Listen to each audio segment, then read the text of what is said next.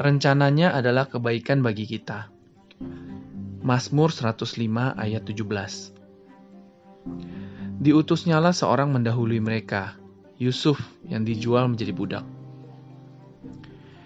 Ayat di atas adalah bagian dari salah satu perikop dengan judul Puji-pujian atas segala perbuatan Allah di masa lampau.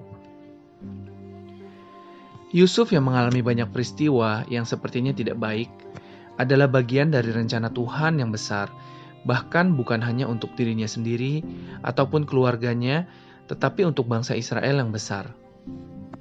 Tampaknya menyenangkan ketika kita membaca kisah Yusuf yang berakhir dengan sebuah kejayaan di Mesir. Tetapi, jika kita berada pada posisi saat Yusuf dijual sebagai budak, atau saat di penjara, mungkin saja kita bisa salah menilai peristiwa ini.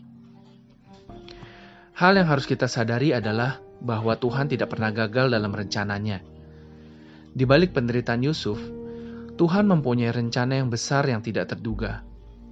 Tetapi sering kali orang tidak sabar dalam proses dan penantian pengenapan janji Tuhan.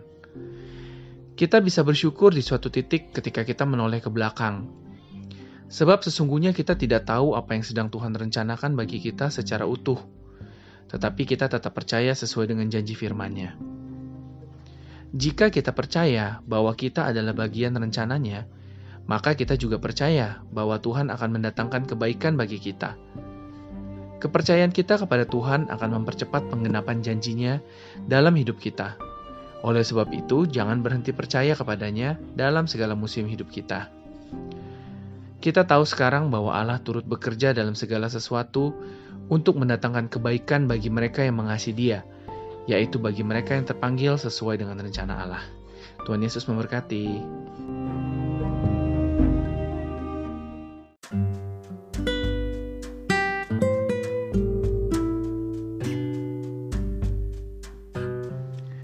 Menggunakan kesempatan dengan bijaksana. Amsal 12 ayat 11. Siapa mengerjakan tanahnya akan kenyang dengan makanan. Tetapi siapa mengejar barang yang sia-sia tidak berakal budi. Di dalam hidup kita, waktu adalah satu hal yang tidak dapat kembali.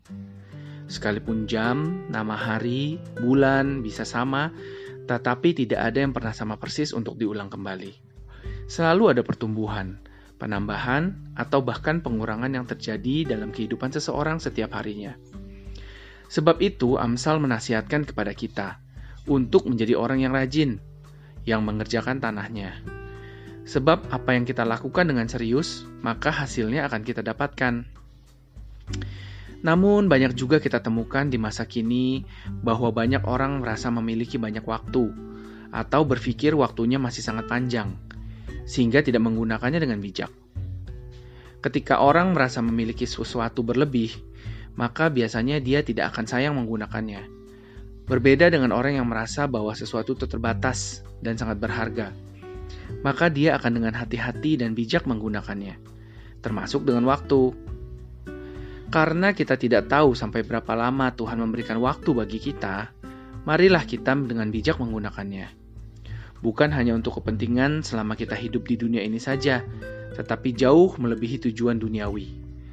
Ketika kita bijak dalam menggunakan segala hal, termasuk waktu, maka akan berdampak pada hal-hal yang bersifat kekal. Banyak kepentingan di dunia ini yang harus kita kerjakan, tetapi orang yang bijak adalah orang yang bisa memprioritaskan hal yang terpenting dalam hidupnya. Hargailah waktu yang Tuhan berikan sebagai kesempatan untuk menggunakannya dengan bijak. Tuhan Yesus memberkati.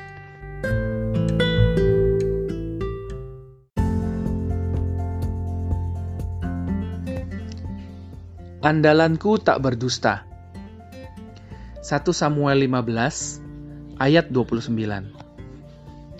Lagi sang mulia dari Israel tidak berdusta dan tidak tahu menyesal, sebab ia bukan manusia yang harus menyesal. Ketika masuk pada masa yang sulit, Biasanya orang mulai bimbang dengan keadaan, kebutuhan, dan persediaan yang mereka miliki. Banyak orang akan mulai berusaha untuk beralih dan mengandalkan sahabat-sahabat yang diharapkan bisa menolong.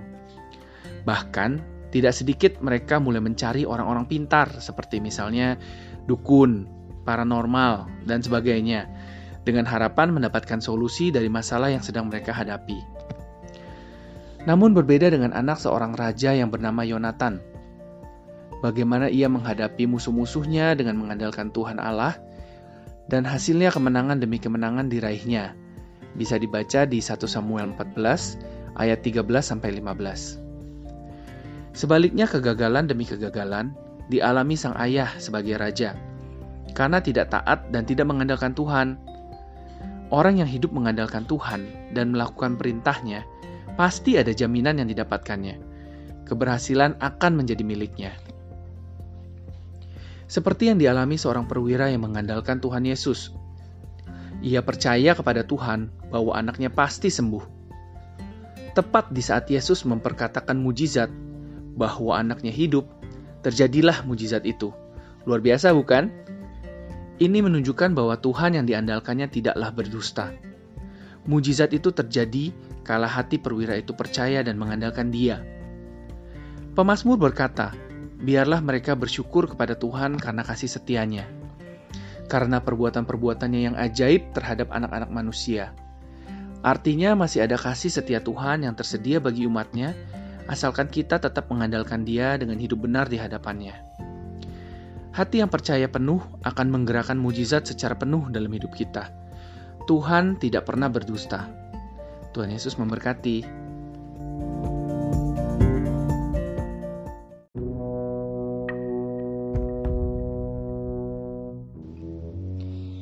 Menukar kemuliaan.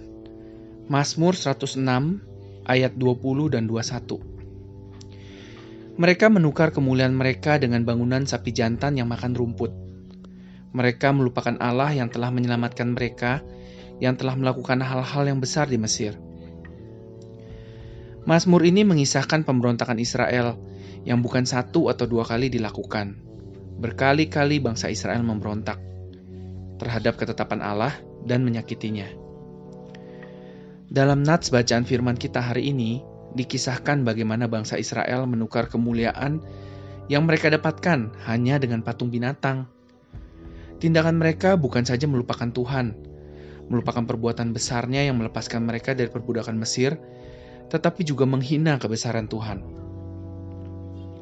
Bermula dari Gerutu, bangsa Israel melangkah maju dengan berbagai keinginan, tuntutan, dan hasrat ego manusia mereka tanpa pertimbangan. Mereka mengingini hal-hal yang di luar ketetapan Allah. Mereka menuntut hal-hal yang dapat memuaskan hasrat manusiawi mereka semata. Bahkan dalam Mazmur 106 ayatnya yang ke-15, dikatakan bahkan Tuhan membiarkan saja apa yang mereka minta dan inginkan. Namun perlu kita cermati, sekalipun Tuhan membiarkan dan sepertinya memberikan apa yang mereka minta, mereka tidak terlepas dari konsekuensinya. Ada tulah, ada penyakit yang menimpa mereka, dan berbagai konsekuensi lainnya.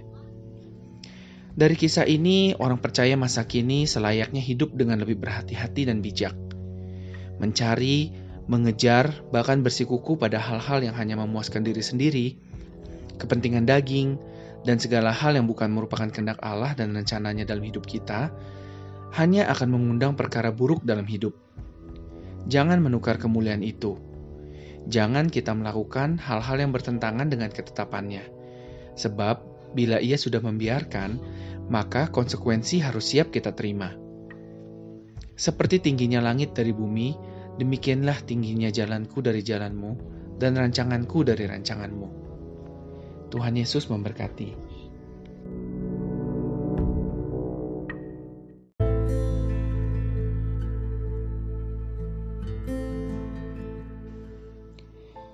Bukan tindakan sesaat. Yohanes 5 ayat 24 Aku berkata kepadamu, Sesungguhnya barang siapa mendengar perkataanku dan percaya kepada dia yang mengutus aku, ia mempunyai hidup yang kekal dan tidak turut dihukum, sebab ia sudah pindah dari dalam maut ke dalam hidup.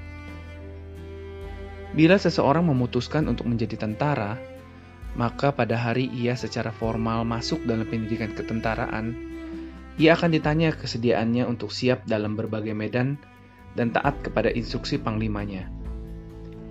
Apakah kesediaannya ini hanya berlaku pada hari pertama ia memulai kehidupannya sebagai tentara? Dalam kenyataannya, keputusannya itu bukanlah perkara mudah untuk dijalani, karena menuntut komitmen seumur hidup ia menjadi seorang tentara. Ayat firman Tuhan hari ini mengingatkan kita hal serupa dengan komitmen seorang tentara. Untuk seseorang dapat pindah dari dalam maut ke dalam hidup, ia hanya perlu mendengar dan percaya. Dikatakan siapa pun yang sudah bersedia mendengar perkataan Tuhan dan dilanjutkan dengan bersedia percaya kepada Bapa, maka ia akan dipindahkan dari gelap kepada terang. Namun demikian, keputusan ini membutuhkan komitmen seumur hidup. Orang yang telah dipindahkan ke dalam terang atau hidup, maka ia harus terus-menerus mendengar dan percaya agar tetap ada dalam terang. Jadi ketika Yesus mengatakan ayat tersebut di Yohanes 5 ayat 24, ia juga sedang mengharapkan sebuah komitmen. Mendengar dan percaya harus menjadi kegiatan orang percaya yang terus-menerus dilakukan setiap saat, bukan hanya sesaat saja. Dalam segala musim, kita harus terus membiasakan diri untuk selalu mendengar perkataannya dan percaya pada tuntunannya sampai kita tiba pada kekekalan. Mempunyai hidup kekal membutuhkan iman yang terus hidup, yaitu mendengar dan percaya secara terus-menerus. Tuhan Yesus memberkati.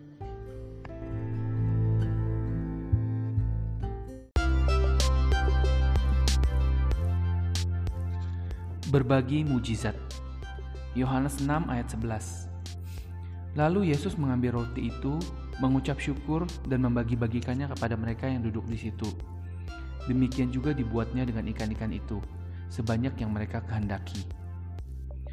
Tuhan Yesus memiliki kisah-kisah mujizat yang begitu banyak dan tertulis di dalam Alkitab. Mujizatnya telah membawa kekaguman tersendiri bagi yang menerimanya, sehingga akhirnya mereka menjadi percaya kepada Tuhan. Seperti pada saat Yesus membuat mujizat dengan memberi makan ribuan orang yang mengikutinya, hanya dengan lima roti dan dua ikan yang dikumpulkan oleh murid-muridnya. Apakah mujizat lima roti dan dua ikan ini memang bertujuan untuk memberi makan saja? Pada dasarnya, semua mujizat yang dilakukan Yesus memiliki tujuan yang jauh lebih besar daripada yang terlihat secara fisik. Selain menyatakan kasih Tuhan atas manusia, mujizat bersaksi tentang Yesus, menegaskan kebenaran atas pesan atau firman yang dikatakannya, dan mengkonfirmasi identitasnya di hadapan manusia. Mujizat akan terus ada sepanjang gereja Tuhan ada di bumi. Matius 10 menuliskan bahwa Yesus pun mengutus murid-muridnya bukan saja untuk memberitakan Injil, tetapi juga melakukan mujizat. Memang sesungguhnya kehidupan orang percaya erat kaitannya dengan mujizat. Bukankah keselamatan yang kita terima sudah merupakan sebuah mujizat? Inilah pesan yang Yesus ingin selalu kita ingat, simpan dan lakukan sepanjang hidup kita. Berbagi mujizat. Dalam berbagai keadaan, orang percaya menantikan dan mengharapkan mujizat terjadi dalam hidupnya.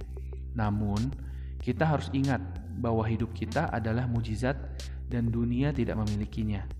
Kita harus bangkit dan membagikan mujizat itu.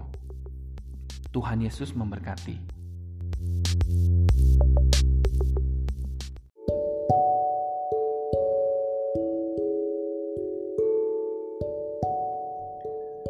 Roti hidup. Yohanes 6 ayat 35. Kata Yesus kepada mereka, Akulah roti hidup. Barang siapa datang kepadaku, ia tidak akan lapar lagi.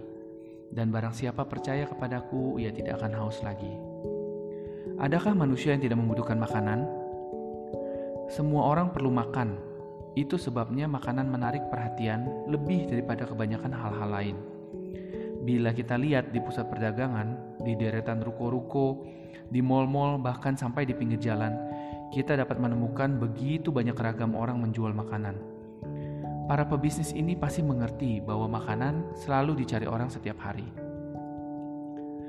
Roti sering dipakai sebagai simbol makanan secara keseluruhan.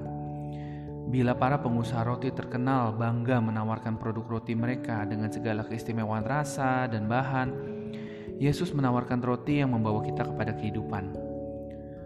Roti dikonsumsi agar menunjang tubuh fisik, tetapi roti hidup menghidupkan tubuh dan roh kita. Alkitab mengatakan sama seperti Bapa memiliki hidup di dalam dirinya sendiri, demikian juga anak diberikannya untuk mempunyai hidup di dalam dirinya sendiri. Jika Yesus menawarkan roti hidup, Ialah sungguh sumber roti hidup itu. Ia memilikinya dalam kelimpahan dan mengalir tiada hentinya. Siapa saja yang menginginkannya tidak akan pernah kehabisan dan pasti dikenyangkan. Artinya, ketika kita datang dalam lapar dan haus, kita akan mendapatkan kehidupan yang menyelesaikan lapar dan haus kita. Apa pun yang kita sedang perlukan agar hidup kita dipenuhi kehidupannya, selalulah datang kepada Dia. Hampiri dan nikmati hadiratnya yang memberikan kehidupan bagi kita. Barang siapa memiliki anak, ia memiliki hidup. Barang siapa tidak memiliki anak, ia tidak memiliki hidup.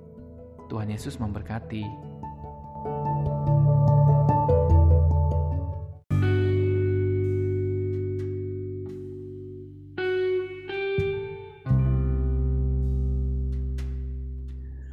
Pembalasan adalah hak Tuhan.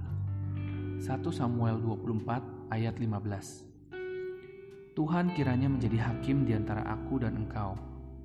Tuhan kiranya membalaskan aku kepadamu, tetapi tanganku tidak akan memukul engkau. Kesempatan merupakan peluang emas. Bagaimana kalau kesempatan itu berkaitan dengan adanya peluang untuk membalas kejahatan seseorang terhadap kita? Akankah kita gunakan kesempatan itu? Kita akan belajar beberapa poin tentang hal ini melalui kehidupan Daud. Daud pernah berada di situasi yang sangat sulit dan bisa saja memahitkan hatinya. Seperti peribahasa air susu dibalas air tuba, itulah yang terjadi kepadanya. Jasa Daud bagi bangsa Israel justru membawa hidupnya seperti berada di ujung tanduk. Raja Saul terus mengejar untuk membunuhnya, Padahal Daud adalah panglima perang Saul yang berhasil membuat bangsa Israel meraih kemenangan besar. Bahkan dalam pengejaran yang terakhir, Saul membawa 3000 pasukan terpilih. Kemudian dikisahkan dalam 1 Samuel 24, fakta berubah 180 derajat. Kini Daud yang justru mendapatkan kesempatan besar untuk membunuh Saul. Lantas, apa yang Daud lakukan? Ia tidak menggunakan peluang itu untuk membunuh Saul. Daud tahu Saul seorang yang diurapi Tuhan. Makanya ia serahkan pembalasan atas Saul kepada Tuhan. Tuhan yang berhak membalas kejahatan manusia. Malahan dengan rendah hati Daud melakukan rekonsiliasi dengan Saul. Sikapnya itu pun berhasil menyadarkan Saul dari kesalahannya sehingga hidup mereka dipulihkan. Ketika orang lain menjahati kita dan kita punya kesempatan untuk balas dendam, apa yang akan kita lakukan? Camkanlah Jangan mengambil hak Tuhan agar kita tidak ikut jatuh dalam dosa dan luput dari hukuman Tuhan. Pembalasan adalah hak Tuhan.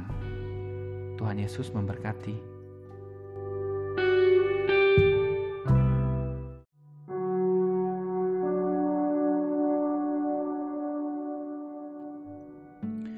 Perjalanan yang mustahil. Yohanes 7 ayat 34 dan 35. Kamu akan mencari aku, tetapi tidak akan bertemu dengan aku, sebab kamu tidak dapat datang ke tempat di mana aku berada. Orang-orang Yahudi itu berkata seorang kepada yang lain, "Ke manakah ia akan pergi, sehingga kita tidak dapat bertemu dengan dia?" Adakah maksudnya untuk pergi kepada mereka yang tinggal di perantauan di antara orang Yunani untuk mengajar orang Yunani? Setelah bulan puasa, masyarakat Indonesia bisa menikmati libur lebaran yang cukup panjang. Biasanya banyak orang dari perantauan yang melakukan perjalanan panjang pulang ke kota asalnya, supaya dapat menikmati lebaran bersama keluarga di kampung. Namun kondisinya mungkin akan sedikit berbeda di masa pandemi ini karena tidak semua bisa mudik dengan seluasa. Demikian pula dengan pernyataan Tuhan Yesus sebelum disalibkan, ia akan pergi ke tempat yang tidak mungkin kita jangkau. Perjalanan ke situ sangatlah mustahil, sehingga Tuhan Yesus berkata, "Kamu akan mencari Aku, tetapi tidak akan bertemu dengan Aku, sebab kamu tidak dapat datang ke tempat di mana Aku berada." Sebuah penegasan bahwa mustahil orang dapat pergi ke tempat Dia ada. Namun, berbeda kondisinya setelah Tuhan Yesus bangkit dan akan naik ke surga. Ia memberikan kata-kata penghiburan kepada muridnya karena ia pergi ke rumah Bapa. Katanya, "Dan apabila aku telah pergi ke situ dan telah menyediakan tempat bagimu, aku akan datang kembali dan membawa kamu ke tempatku, supaya di tempat di mana aku berada, kamu pun berada." Mustahil bagi kita pergi ke tempatnya berada, tetapi ia sudah berjanji datang kembali dan membawa kita. Sudahkah kita mempersiapkan diri? Tuhan Yesus memberkati.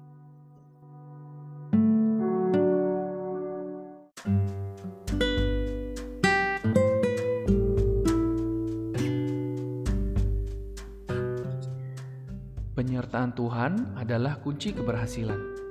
1 Samuel 28 ayat 7 Lalu berkatalah Saul kepada para pegawainya, Carilah bagiku seorang perempuan yang sanggup memanggil arwah. Maka aku hendak pergi kepadanya dan meminta petunjuk kepadanya. Para pegawainya menjawab dia, Di Endor ada seorang perempuan yang sanggup memanggil arwah. Semua orang pasti pernah merasakan takut Rasa takut yang dimaksud tentu saja bukan rasa takut terhadap sosok atau seseorang, tetapi yang dimaksudkan adalah rasa khawatir atau cemas yang berlebihan karena situasi dan kondisi tertentu. Raja Saul juga pernah mengalami hal yang sama ketika dia melihat para tentara Filistin.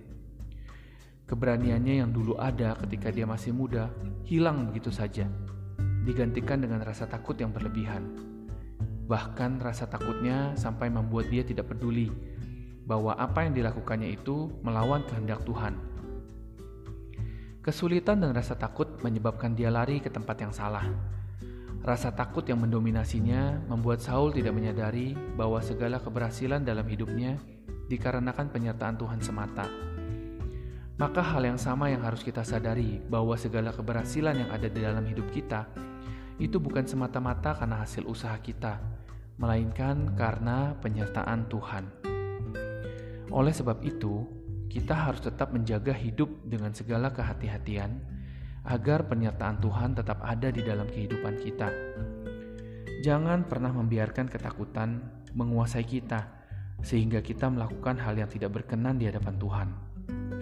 Percayalah bahwa penyertaan Tuhan cukup membuat kita dapat hidup berkemenangan dalam segala hal hanya janganlah mendukakan hatinya. Tuhan Yesus memberkati.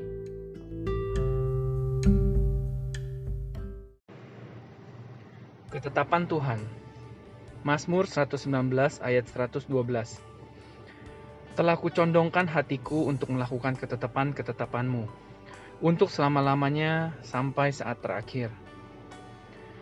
Banyak buku-buku dari motivator ataupun penulis yang memberikan motivasi ataupun tuntunan kehidupan yang baik. Mereka melakukannya dengan suatu tujuan mulia, yaitu mengajak setiap pembacanya untuk dapat menjalankan kehidupan yang lebih baik dan bernilai untuk hidup mereka. Tidak ada yang salah untuk juga turut membaca dan belajar hal-hal yang membekali kita dalam kehidupan lewat buku-buku itu. Sebab menjadi suatu kerinduannya juga untuk kita memiliki hidup yang terus bertumbuh setiap hari demi hari. Mazmur 119 menegaskan bagaimana firman Tuhan lebih dari segala buku motivasi yang ada akan berperan dalam kehidupan kita. Firman Tuhan disediakan bagi orang percaya sebagai patokan hidup, hikmat, ajaran, perintah, dan pedoman. Ia menjadi janji dan solusi. Ia menghibur sekaligus memerdekakan. Firman Tuhan pula merupakan prinsip-prinsip yang harus kita ikuti agar bebas dari jerat, kesulitan, atau kesengsaraan, tragedi, atau bencana, dan menghindari kita dari keputusan yang salah. Firman Tuhan mendekatkan kita kepada hati dan tujuan Tuhan dalam hidup kita. Itulah sebabnya mengapa pemazmur menyatakan akan mencondongkan hatinya untuk melakukan ketetapan Tuhan selama-lamanya, bahkan sampai akhir hidupnya. Pemazmur sangat memahami bahwa keberhasilan dan kebahagiaan hidup berkaitan erat dengan sikap dan tindakan kita dalam menjalani ketetapan Tuhan secara konsisten. Tuhan berjanji untuk mencurahkan berkat-berkatnya kepada mereka yang memutuskan untuk hidup mengikuti semua standar dan petunjuk dalam firman-Nya. Oleh sebab itu, baiklah kita memohon kepada Dia, Tuhan, agar dicurahkan kasih karunia untuk mampu menjalaninya. Bukankah Tuhan berjanji menyertai kita? Sekiranya Tauratmu tidak menjadi kegemaranku, maka aku telah binasa dalam sengsaraku. Tuhan Yesus memberkati.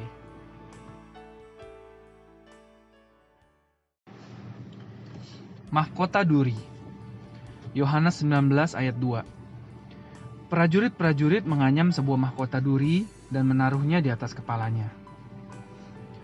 Karena Adam mendengarkan Hawa dan memakan buah dari pohon pengetahuan tentang yang baik dan yang jahat, yang dilarang Tuhan untuk dimakan oleh mereka, maka tanah menjadi terkutuk. Akibatnya yang dihasilkan adalah semak duri dan rumput duri. Semak dan rumput duri berbicara tentang situasi yang tidak enak dan tidak nyaman yang dirasakan manusia yang tinggal di atas tanah tersebut. Ini juga bicara tentang situasi sulit yang dialami oleh manusia. Jadi, tanah bereaksi terhadap setiap perbuatan manusia yang tinggal di atasnya. Jika kita berbuat sesuai kehendak Tuhan, maka tanah tempat tinggal kita tidak akan memunculkan semak dan rumput duri. Sebaliknya, kalau kita berbuat dosa, maka tanah pun bereaksi sehingga semak dan rumput duri bermunculan. Akibat dosa yang dilakukannya, Adam harus bersusah payah dan berpeluh. Tanah diartikan sebagai tempat tinggal, keluarga, tempat usaha, pekerjaan, bisnis, dan tempat pelayanan kita. Juga tempat pemerintahan dari pusat sampai ke daerah-daerah terpencil. Sayangnya, semua manusia telah berbuat dosa dan telah kehilangan kemuliaan Allah. Sehingga semak dan rumput duri dalam rupa berbagai masalah, bencana, dan malapetaka menimpa manusia yang tinggal di atasnya. Puji Tuhan, karena kasihnya yang begitu besar, Yesus menebus dosa-dosa manusia secara tuntas dan menebus tanah dengan menanggung kutuk akibat konsekuensi dari dosa manusia dengan ditaruhnya mahkota duri di atas kepalanya. Naikkanlah syukur karenanya. Kita telah mengenal dan telah percaya akan kasih Allah kepada kita. Allah adalah kasih, dan barang siapa tetap berada di dalam kasih, ia tetap berada di dalam Allah dan Allah di dalam dia. Tuhan Yesus memberkati. Tidak akan sia-sia. 1 Raja-Raja 9 ayat 1 dan 2. Ketika Salomo selesai mendirikan rumah Tuhan dan istana raja dan membuat segala yang diinginkannya, maka Tuhan menampakkan diri kepada Salomo untuk kedua kalinya seperti ia sudah menampakkan diri kepadanya di Gibeon. Tidak dapat disangkali bahwa dalam setiap taburan benih, kita biasanya mengharapkan buah terbaik. Namun kadangkala hasilnya mengecewakan. Mengapa bisa demikian? Mari kita belajar dari kisah Raja Salomo. Ketika selesai membangun rumah Tuhan dan istana raja, serta apa saja yang diinginkannya, Tuhan langsung menampakkan diri kepadanya.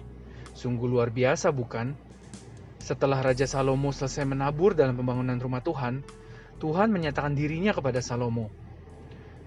Tuhan mengatakan kepada Salomo, semua doanya telah didengar tanpa terkecuali. Bahkan lebih lanjut, Tuhan menjanjikan bahwa mata dan hatinya akan ada di tempat itu sepanjang masa. Dapat kita lihat bahwa ketika kita sudah menabur dengan hati tulus ikhlas, maka mata dan hati Tuhan tetap ada bersama kita sepanjang masa. Dan bahkan disertai dengan berkat-berkat lainnya. Asalkan kita tetap memegang janjinya dan melakukannya dengan setia. Ini merupakan kunci bila kita mengharapkan buah terbaik dalam setiap taburan benih. Oleh sebab itu, janganlah berhenti untuk menabur. Percaya kepada janji dan penyertaannya dalam hidup kita. Bukankah Tuhan tidak pernah ingkar janji? Bukankah penyertaannya dalam hidup merupakan jaminan terbaik bagi kita? Ketika Tuhan menyertai, maka tidak ada hal lain yang tidak dapat Ia lakukan untuk kita. Tuhan mengerti kebutuhan kita. Beginilah hal kerajaan Allah itu. Seumpama orang yang menaburkan benih itu di tanah, lalu pada malam hari ia tidur dan pada siang hari ia bangun, dan benih itu mengeluarkan tunas. Dan tunas itu makin tinggi, bagaimana terjadinya tidak diketahui orang itu. Tuhan Yesus memberkati.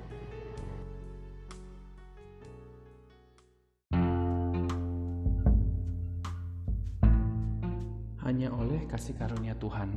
Yohanes 8 ayat 7. Dan ketika mereka terus-menerus bertanya kepadanya, ia pun bangkit berdiri lalu berkata kepada mereka, Barang siapa di antara kamu tidak berdosa, hendaklah ia yang pertama melemparkan batu kepada perempuan itu. Peristiwa ini terjadi ketika orang banyak mendapati seorang perempuan yang berzina dan dengan maksud mencobai Tuhan Yesus mereka bertanya.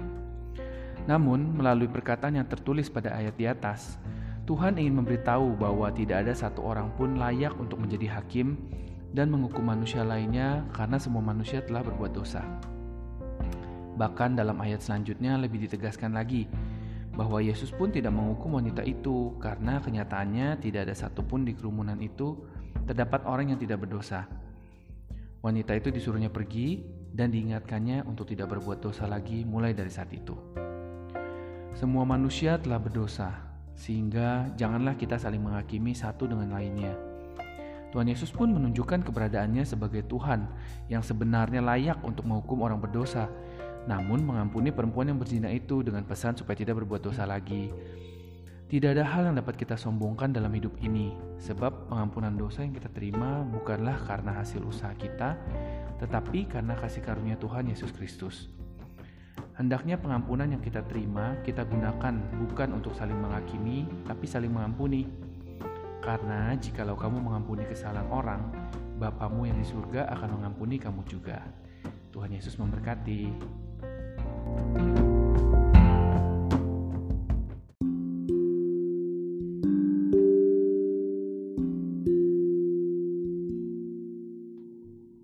Setia tanpa pamrih. 2 Samuel 2 ayat 6. Oleh sebab itu, Tuhan kiranya menunjukkan kasih dan setianya kepadamu. Aku pun akan berbuat kebaikan yang sama kepadamu karena kamu telah melakukan hal yang demikian. Seorang yang setia tanpa pamrih akan terlihat dari sikap yang ditunjukkannya, terutama ketika menghadapi tuntutan pekerjaan, saat terjadi bencana, atau musibah yang dialami keluarganya dan berbagai tekanan lainnya. Hal ini sangat jelas di dalam diri Daud, yaitu bagaimana ia menunjukkan sikap loyalitas atau setia terhadap pemimpinnya dan orang-orang yang membelanya. Misalnya mereka yang menangisi kematian Saul dan Yonatan serta memberkati masyarakat Yabeshi Gilead yang menguburkan mayat mereka. Dapat kita temukan di 2 Samuel 1 ayat 17 sampai 27 dan 2 Samuel 2 ayat 4 sampai 7. Sikap kesetiaan seperti ini sangat sulit diterima akal sehat. Bagaimana mungkin Daud masih bisa tetap setia terhadap seorang pemimpin yang membenci dan mau membunuhnya? Hal ini hanya bisa terjadi apabila hidup kita sepenuhnya berada di bawah kendali Tuhan sebagai pemimpinnya. Ketika Tuhan mengarahkan jalan kita, maka kita akan mengerti apa yang harus kita lakukan dan bagaimana harus bersikap. Sama seperti Tuhan Yesus yang mengharapkan murid-muridnya agar tetap setia, demikian juga Tuhan mengharapkan dari kita agar tetap setia kepadanya apa pun keadaannya. Kita percaya bahwa Tuhan telah mempunyai rencana indah dalam hidup kita. Oleh sebab itu, ketika Ia mengharapkan kesetiaan, maka sebaiknya kita melakukannya. Tuhan mengetahui rancangan-rancangan orang berhikmat. Sesungguhnya semuanya sia-sia belaka. Karena itu, janganlah ada orang yang memegahkan dirinya, karena kita adalah milik Kristus dan Kristus adalah milik Allah. Teruslah setia kepadanya. Tuhan Yesus memberkati.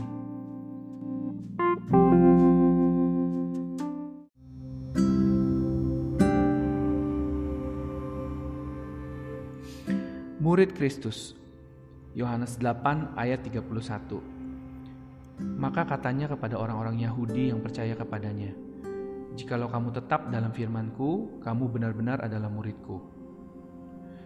Kalau kita melihat film silat dan memperhatikannya, maka tiap-tiap perguruan mempunyai gerakan-gerakan khusus yang tidak dimiliki oleh perguruan silat lainnya. Bahkan dari gerakannya saja, orang bisa mengenal dia dari mana dan siapakah gurunya. Mengapa hal itu bisa terjadi? Sebab murid pasti melakukan apa yang sudah diajarkan guru kepadanya. Jika tidak, apakah dia bisa disebut murid dari guru tersebut? Dalam terjemahan yang lain dikatakan bahwa orang yang melakukan firman Tuhan, maka orang tersebut adalah benar murid Kristus, karena melakukan apa yang dilakukan oleh gurunya. Dengan melakukan firman Tuhan, maka bukan saja kita semakin mengenal Dia, tetapi orang lain pun akan melihat hidup kita sebagai kesaksian bagi nama Tuhan. Komitmen menjadi pelaku firman akan membuat kita semakin hari semakin serupa dengan Kristus.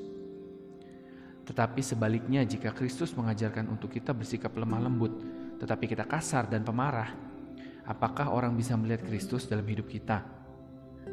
Tuhan Yesus mengajarkan keteladanan hidupnya kepada kita, supaya dari Dialah kita benar-benar melakukan hal yang sama juga. Sebab itu kenalilah Tuhan Yesus melalui firman-Nya, supaya kita juga bisa meneladani apa yang sudah Kristus lakukan bagi kita. Ketika kita mendengar firman-Nya, tugas kitalah juga melakukannya, supaya dari hidup kita orang dapat mengenal Kristus. Demikianlah hendaknya terangmu bercahaya di depan orang, supaya mereka melihat perbuatanmu yang baik dan memuliakan Bapamu yang di surga. Tuhan Yesus memberkati. Pilihan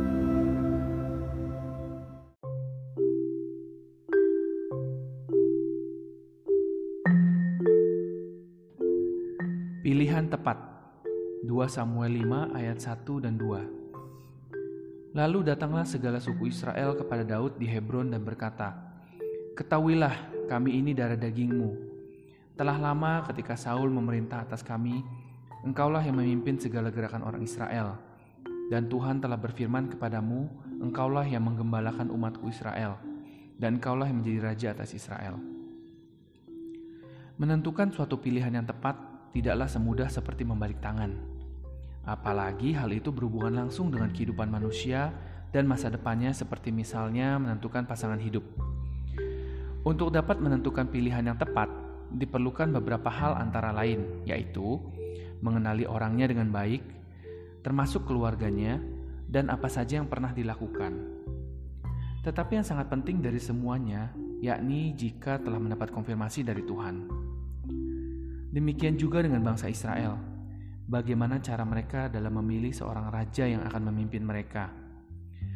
Ada beberapa faktor yang menjadi alasan mengapa mereka memilih Daud sebagai raja, yaitu mereka satu bangsa dengannya.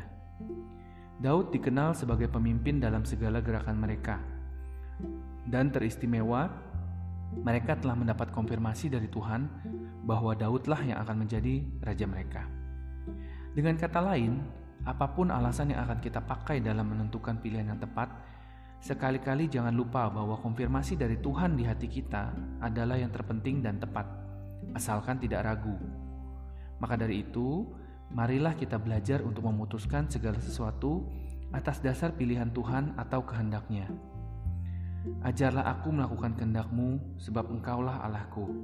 Kiranya rohmu yang baik itu menuntun aku di tanah yang rata. Tuhan Yesus memberkati.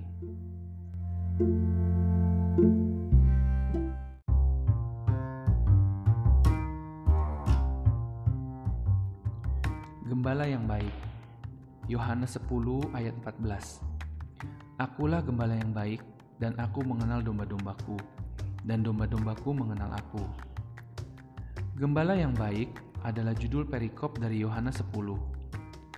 Dengan uraian tentang gembala yang baik, Yesus ingin menunjukkan ciri-ciri gembala yang sejati atau sesungguhnya dengan para gembala upahan atau yang palsu. Dengan kata lain, ia ingin murid-muridnya mengerti dan sekaligus waspada terhadap mereka yang mengaku gembala tapi tidak memiliki atau melakukan seperti yang ia miliki dan lakukan. Semua ajaran yang dibagikannya tentang gembala yang baik merujuk kepada dirinya sendiri Yesus mencoba mengatakan dan memberitahukan bahwa ialah gembala yang dijanjikan itu. Hanya melalui dia saja, maka semua domba-domba akan selamat. Sebab ia selaku gembala yang baik akan mengorbankan nyawanya sendiri demi menyelamatkan domba-dombanya. Tidak demikian dengan gembala upahan dan palsu. Perbedaan antara keduanya akan sangat jelas terlihat dengan kedatangan serigala. Gembala upahan dan palsu akan langsung pergi meninggalkan domba-domba ketika melihat bahaya mendekat. Gembala yang baik akan menyediakan nyawanya menghadapi bahaya yang mengancam domba-dombanya. Dengan penuturan ini, Yesus menegaskan bukan saja kita harus mengenal suara Dia sebagai gembala kita, tetapi juga agar kita percaya bahwa bila kita bersama Dia, maka jaminan keamanan dan keselamatan tersedia secara utuh bagi kita. Sebagai orang percaya yang hidup di zaman akhir ini, harus kita pahami bahwa akan banyak bermunculan gembala-gembala upahan dan palsu. Banyak pula berbagai bahaya mengancam kehidupan orang percaya. Waspadalah, pastikan kita selalu ada bersama gembala sejati, maka kita akan aman dan segala panah jahat pun tidak akan mengenai kita dan keluarga. Apabila seorang yang kuat dan yang lengkap bersenjata menjaga rumahnya sendiri, maka amanlah segala miliknya. Tuhan Yesus memberkati.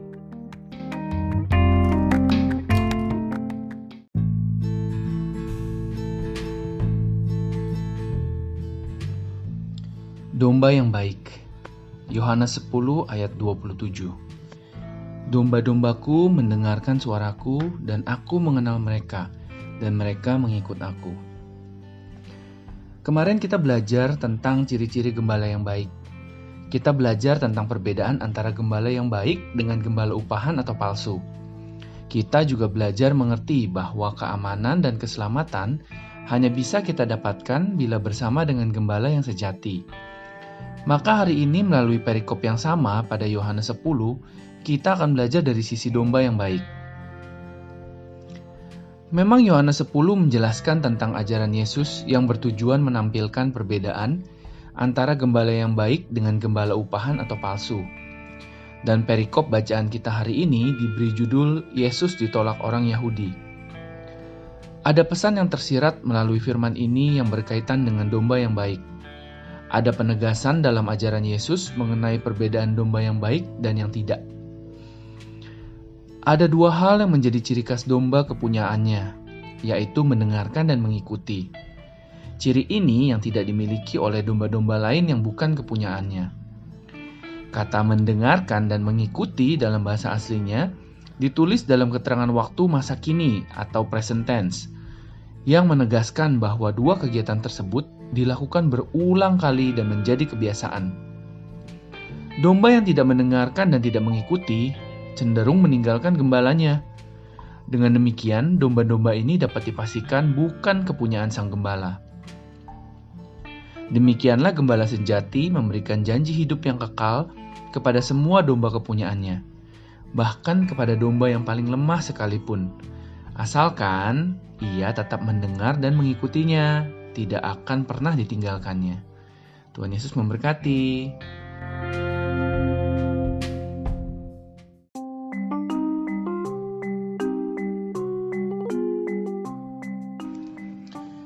Kasih Tuhan atas hidup kita. Mazmur 117 ayat 2.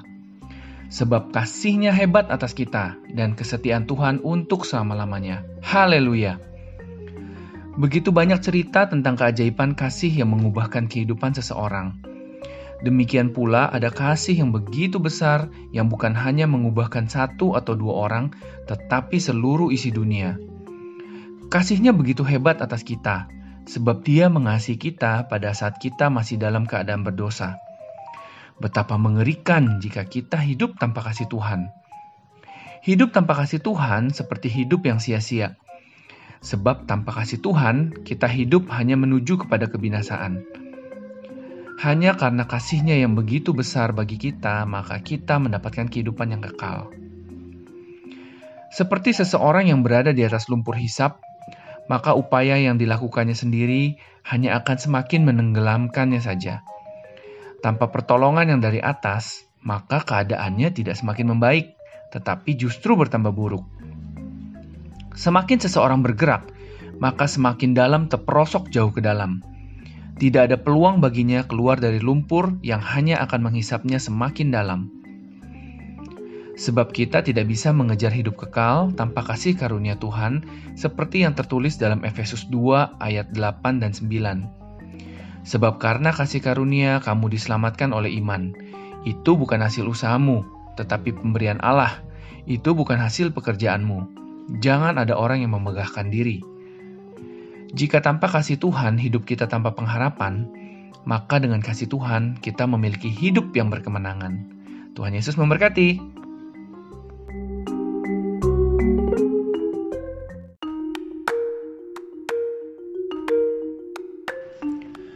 Hati yang gembira.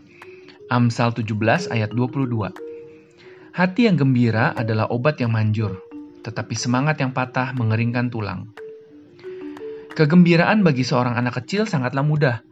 Seketika ia bisa menjadi sangat gembira dan menampilkan wajah berseri hanya karena sebuah permen atau sepotong coklat.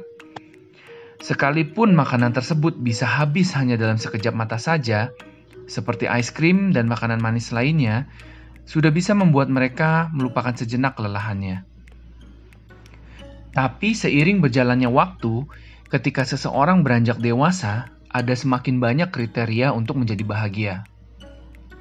Bagi mereka yang sudah bekerja, jika memiliki rumah, mobil, jabatan, keuangan, dan lainnya menjadi faktor yang dapat memberikan kebahagiaan.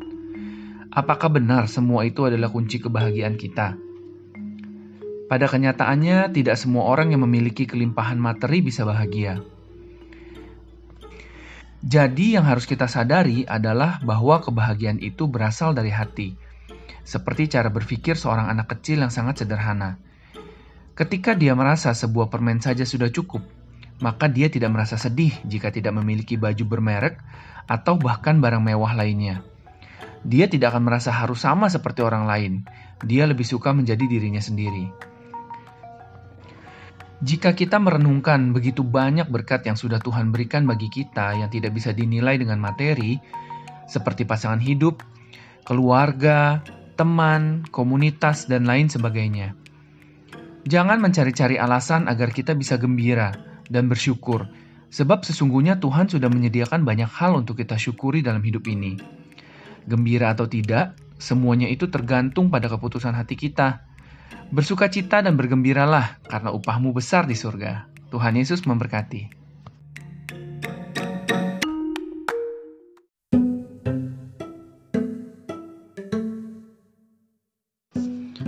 Pintu gerbang Tuhan. Mazmur 118 ayat 19 dan 20. Bukakanlah aku pintu gerbang kebenaran. Aku hendak masuk ke dalamnya. Hendak mengucap syukur kepada Tuhan. Inilah pintu gerbang Tuhan, orang-orang benar akan masuk ke dalamnya. Ada satu doa yang diucapkan pemazmur dalam bagian yang kita baca, bahwa dia minta dibukakan pintu gerbang agar bisa masuk ke dalamnya. Itulah pintu gerbang kebenaran yang merupakan pintu gerbang Tuhan. Hanya orang-orang benar yang akan masuk ke dalamnya. Jadi doa ini merupakan permohonan pemazmur agar dapat masuk ke dalam rumah Tuhan. Dalam Perjanjian Baru, kita mengenal bahwa Tuhan Yesus menyatakan diri sebagai jalan, kebenaran, dan hidup. Tidak ada seorang pun datang kepada Bapa tanpa melalui Tuhan Yesus. Keduanya, baik dalam Perjanjian Lama maupun Perjanjian Baru, berbicara tentang keselamatan dan masuk ke dalam rumah Tuhan kita. Hanya orang-orang benar yang bisa masuk ke dalamnya. Lantas, bagaimana agar kita menjadi orang benar? Pertama, tentu harus mengakui bahwa kita orang berdosa dan dilanjutkan dengan bertobat sungguh-sungguh. Jika kita sudah bertobat, maka kita menerima pengampunan dari Tuhan. Di atas pertobatan tersebut, kita harus menerima Yesus sebagai Tuhan dan Juru Selamat, sehingga anugerah keselamatan dapat kita terima karena kita dibenarkan melalui Tuhan Yesus Kristus. Itu yang kedua. Selanjutnya, yang ketiga, kita harus melakukan kebenaran sesuai firman Tuhan. Jika kita melakukan ketiga hal ini, maka kita dapat masuk ke dalam rumah Tuhan sebagai orang benar. Bagi orang benar, pintu gerbang kebenaran akan selalu terbuka. Oleh sebab itu, pastikan kita menjaga anugerah keselamatan tersebut dan hidup dalam kebenaran senantiasa. Tunjukkanlah kepadaku jalanmu ya Tuhan, supaya aku hidup menurut kebenaranmu. Bulatkanlah hatiku untuk takut akan namamu. Mazmur 86 ayat 11 Tuhan Yesus memberkati.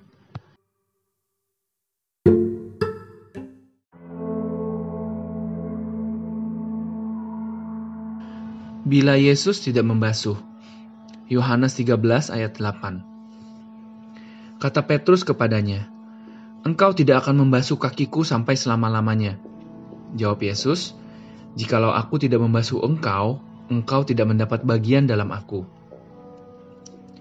Ayat yang kita baca hari ini menceritakan tentang Petrus yang pada awalnya menolak untuk dibasuh oleh Yesus. Dalam respon yang spontan, Tentu reaksi Petrus ini dapat dipahami. Bila seorang pemimpin, guru, atau orang-orang yang terhormat ingin membasuh kaki bawahan, seperti murid atau pengikutnya, maka ada rasa sungkan yang timbul dalam hati mereka. Pandangan umum selalu mengaitkan aktivitas melayani dengan mereka yang berada di jenjang lebih rendah, sehingga rasa sungkan pasti ada ketika yang terjadi adalah sebaliknya. Namun, pembasuhan kaki yang dilakukan Yesus bermakna jauh lebih dalam daripada sekedar aktivitas melayani. Yesus dengan tegas menjawab penolakan Petrus dengan sebuah peringatan bahwa ia tidak akan mendapat bagian dalam dirinya bila pembasuhan tidak dilakukan. Pernyataan Yesus sesungguhnya merujuk kepada pembasuhan rohani melalui karyanya di kayu salib. Yesus telah membasuh dosa-dosa manusia dengan darahnya di kayu salib agar kita diperdamaikan dan menjadi miliknya kembali. Itulah sebabnya mengapa Yesus menegaskan bahwa tidak mungkin Petrus dan juga kita akan mendapat bagian dalam Dia bila ia tidak melakukan pembasuhan tersebut. Hanya melalui Yesus saja maka setiap orang yang percaya beroleh jalan masuk itu. Oleh sebab itu, orang percaya selayaknya hidup dalam tanggung jawab dan komitmen agar apa yang telah dilakukan Yesus, yaitu pengorbanannya, menjadi nyata dan dapat dinikmati oleh mereka yang belum mengenal Yesus. Hiduplah untuk memuliakan Tuhan, agar dunia melihat dan menjadi percaya. Tuhan Yesus memberkati.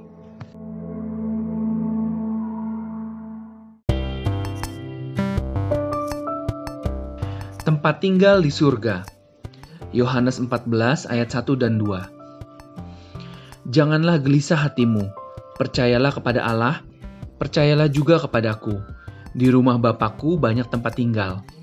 Jika tidak demikian, tentu aku mengatakannya kepadamu, sebab aku pergi ke situ untuk menyediakan tempat bagimu. Perikop ini mengisahkan tentang jalan kepada Bapa, yaitu melalui pribadi Tuhan Yesus. Di dalamnya ada janji yang indah yang dapat kita miliki. Sebab Tuhan menjanjikan tempat tinggal kita di surga kelak. Ada jaminan bahwa ketika kita percaya, maka kita memiliki tempat tinggal di surga yang disediakan bagi kita. Coba kita bayangkan, harga tanah dan rumah di zaman kita sekarang ini semakin mahal sehingga tidak semua orang mampu memiliki tempat tinggal. Sebagian orang bahkan memilih untuk menyewa, Bagaimana dengan tempat tinggal di surga? Ternyata Tuhan memberikan garansi bahwa tempat tinggal kita sudah disediakan. Bukankah ini berita yang membahagiakan? Tempat tinggal yang disediakan bukanlah tempat yang ala kadarnya saja, tetapi dalam bahasa Inggris dituliskan dengan kata mansions, tempat tinggal yang indah dan luas. Lalu, apa yang kita lakukan untuk mendapatkannya? Bagian kita hanya percaya Sebagaimana kita percaya kepada Allah, kita juga percaya kepada Tuhan Yesus dengan iman yang sama. Tidak ada hal lain yang dapat dilakukan dengan mengandalkan perbuatan baik, kekayaan, atau kepandaian, bahkan koneksi. Apalagi koneksi. Satu-satunya jalan adalah dengan mempercayai Tuhan Yesus sebagai satu-satunya jalan kepada Bapa. Tuhan telah menyediakan tempat tinggal bagi setiap orang yang percaya, mengasihi, dan melakukan firman-Nya. Tuhan Yesus memberkati.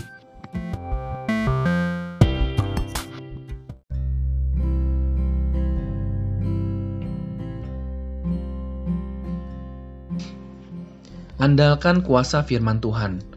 Amsal 19 ayat 16. Siapa berpegang pada perintah memelihara nyawanya, tetapi siapa menghina firman akan mati. Dalam kehidupan ini, sungguh nyata bahwa ada kuasa di dalam firman Tuhan yang dapat menuntun dan mengubah perilaku kita sehari-hari. Asalkan kita mau mengandalkan dan melakukannya. Sama seperti yang dilakukan Daud dalam pemerintahannya ketika terjadi kelaparan selama tiga tahun berturut-turut. Daud adalah pribadi yang sangat intim hubungannya dengan Allah yang dikasihinya, serta umat yang dipimpinnya. Ia tidak menginginkan masalah kelaparan terus-menerus melanda bangsanya, maka itu ia datang kepada Allahnya untuk menanyakan petunjuknya. Apa yang harus dia lakukan untuk mengatasi masalah tersebut? Demikian juga Tuhan Yesus mengatakan kepada murid-muridnya, Jikalau kamu mengasihi aku, kamu akan menuruti segala perintahku. Dan lebih lanjut ia juga berkata, Barang siapa memegang perintahku dan melakukannya, dialah yang mengasihi aku. Dan barang siapa mengasihi aku, ia akan dikasihi oleh Bapakku, dan aku pun akan mengasihi dia dan akan menyatakan diriku kepadanya. Dapat kita baca di Yohanes 14 ayat 15 dan ayat ke-21. Artinya, ada timbal balik yang akan kita dapatkan apabila kita sungguh-sungguh mengasihinya dan melakukan firman-Nya. Maka ia pasti akan menyatakan dirinya kepada kita.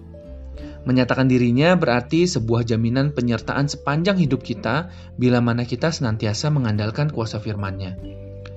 Dengan kata lain, bahwa ada kuasa yang nyata di dalam firman Tuhan. Itulah sebabnya kita harus selalu setia membaca, merenungi, melakukan, dan membagikannya. Buatlah aku mengerti, maka aku akan memegang Tauratmu. Aku hendak memeliharanya dengan segenap hati. Tuhan Yesus memberkati.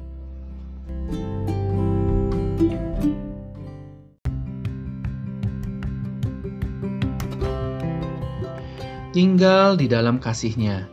Yohanes 15 ayat ke-10. Seperti Bapa telah mengasihi aku, demikian juga aku telah mengasihi kamu. Tinggallah di dalam kasihku, seperti aku menuruti perintah Bapakku dan tinggal di dalam kasihnya. Seorang anak akan merasa aman dan nyaman jika hidup merasakan kasih sayang dari orang tuanya. Sebaliknya, anak yang hidup tanpa kasih sayang akan hidup nelangsa karena tidak ada yang menjamin kehidupannya. Semua orang perlu kasih. Mengapa Yesus memerintahkan kita untuk tinggal di dalam kasihnya? Pertama, supaya sukacita Kristus memenuhi hidup kita. Menghadapi gelombang kehidupan sekalipun, kita tidak akan takut dan putus asa melainkan tetap tenang, bersemangat, dan optimis kalau memiliki sukacita dan kasih. Dia bersama kita, dan ketika sukacita Kristus memenuhi kita, kita akan menjadi kuat dan berhasil melewati berbagai kesulitan hidup. Kedua, tinggal di dalam kasih Kristus, kita akan mampu menaati perintahnya, yaitu untuk hidup saling mengasihi. Mengasihi sesama seperti Yesus telah mengasihi kita. Ia bahkan rela memberikan nyawanya karena saking mengasihinya. Kita mungkin tidak dapat berkorban seperti Yesus, tetapi setidaknya kita dapat menunjukkan kasih kepada sesama dengan cara-cara yang kita bisa. Mendoakan orang yang kekurangan supaya Tuhan memberkati mereka bila kita tidak mampu memberikan sesuatu kepada mereka. Atau menyemangati yang sedang putus asa, menghibur yang sedang susah hati, dan melakukan apa pun semampu kita. Kita dapat mengasihi dengan cara mendoakan, memberi waktu, materi, atau tenaga kita. Apakah hari-hari ini kita sedang kehilangan sukacita atau tidak mampu menati perintahnya? Tinggallah di dalam kasihnya. Tuhan Yesus memberkati.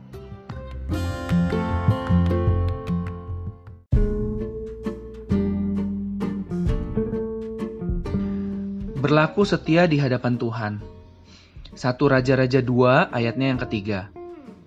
Lakukanlah kewajibanmu dengan setia terhadap Tuhan Allahmu dengan hidup menurut jalan yang ditunjukkannya, dan dengan tetap mengikuti segala ketetapan, perintah, peraturan, dan ketentuannya, seperti yang tertulis dalam hukum Musa, supaya engkau beruntung dalam segala yang kau lakukan dan dalam segala yang kau tuju. Daud mengatakan bahwa setia terhadap Tuhan adalah kewajiban, dan mengikuti segala perintah Tuhan adalah kunci keberuntungannya. Tentu saja bukan tanpa alasan Daud berpesan hal yang demikian kepada Salomo. Sekalipun ada bagian warisan yang sangat banyak sebagai seorang raja Israel, tetapi bagi Daud hal yang lebih penting adalah hidup setia di hadapan Tuhan. Sepanjang hidupnya, Daud telah memiliki banyak sekali pengalaman rohani dan bahkan tindakan pendisiplinan yang cukup menyakitkan yang membuatnya bisa tetap menjadi seorang raja yang terhormat sampai akhir hayatnya. Dia ingin supaya Salomo tahu bahwa kunci keberhasilannya adalah ketika dia mengikuti segala ketetapan-ketetapan Tuhan dan berlaku setia. Firman Tuhan ini juga tentu saja berlaku bagi setiap orang percaya sebagai janji Tuhan kepada umatnya. Ketika kita hidup setia dan melakukan ketetapannya, maka kita akan beruntung di jalan yang kita tuju. Penyertaan Tuhan adalah keberhasilan Raja Daud. Demikianlah juga yang berlaku bagi kita yang mengasihi Dia. Oleh sebab itu, berlakulah setia di hadapannya, dan Tuhan akan menjadikan kita berhasil dalam segala jalan kita. Mataku tertuju kepada orang-orang yang setiawan di negeri, supaya mereka diam bersama-sama dengan aku. Orang yang hidup dengan cara yang tak bercela akan melayani aku. Mazmur 101 ayat 6 Tuhan Yesus memberkati.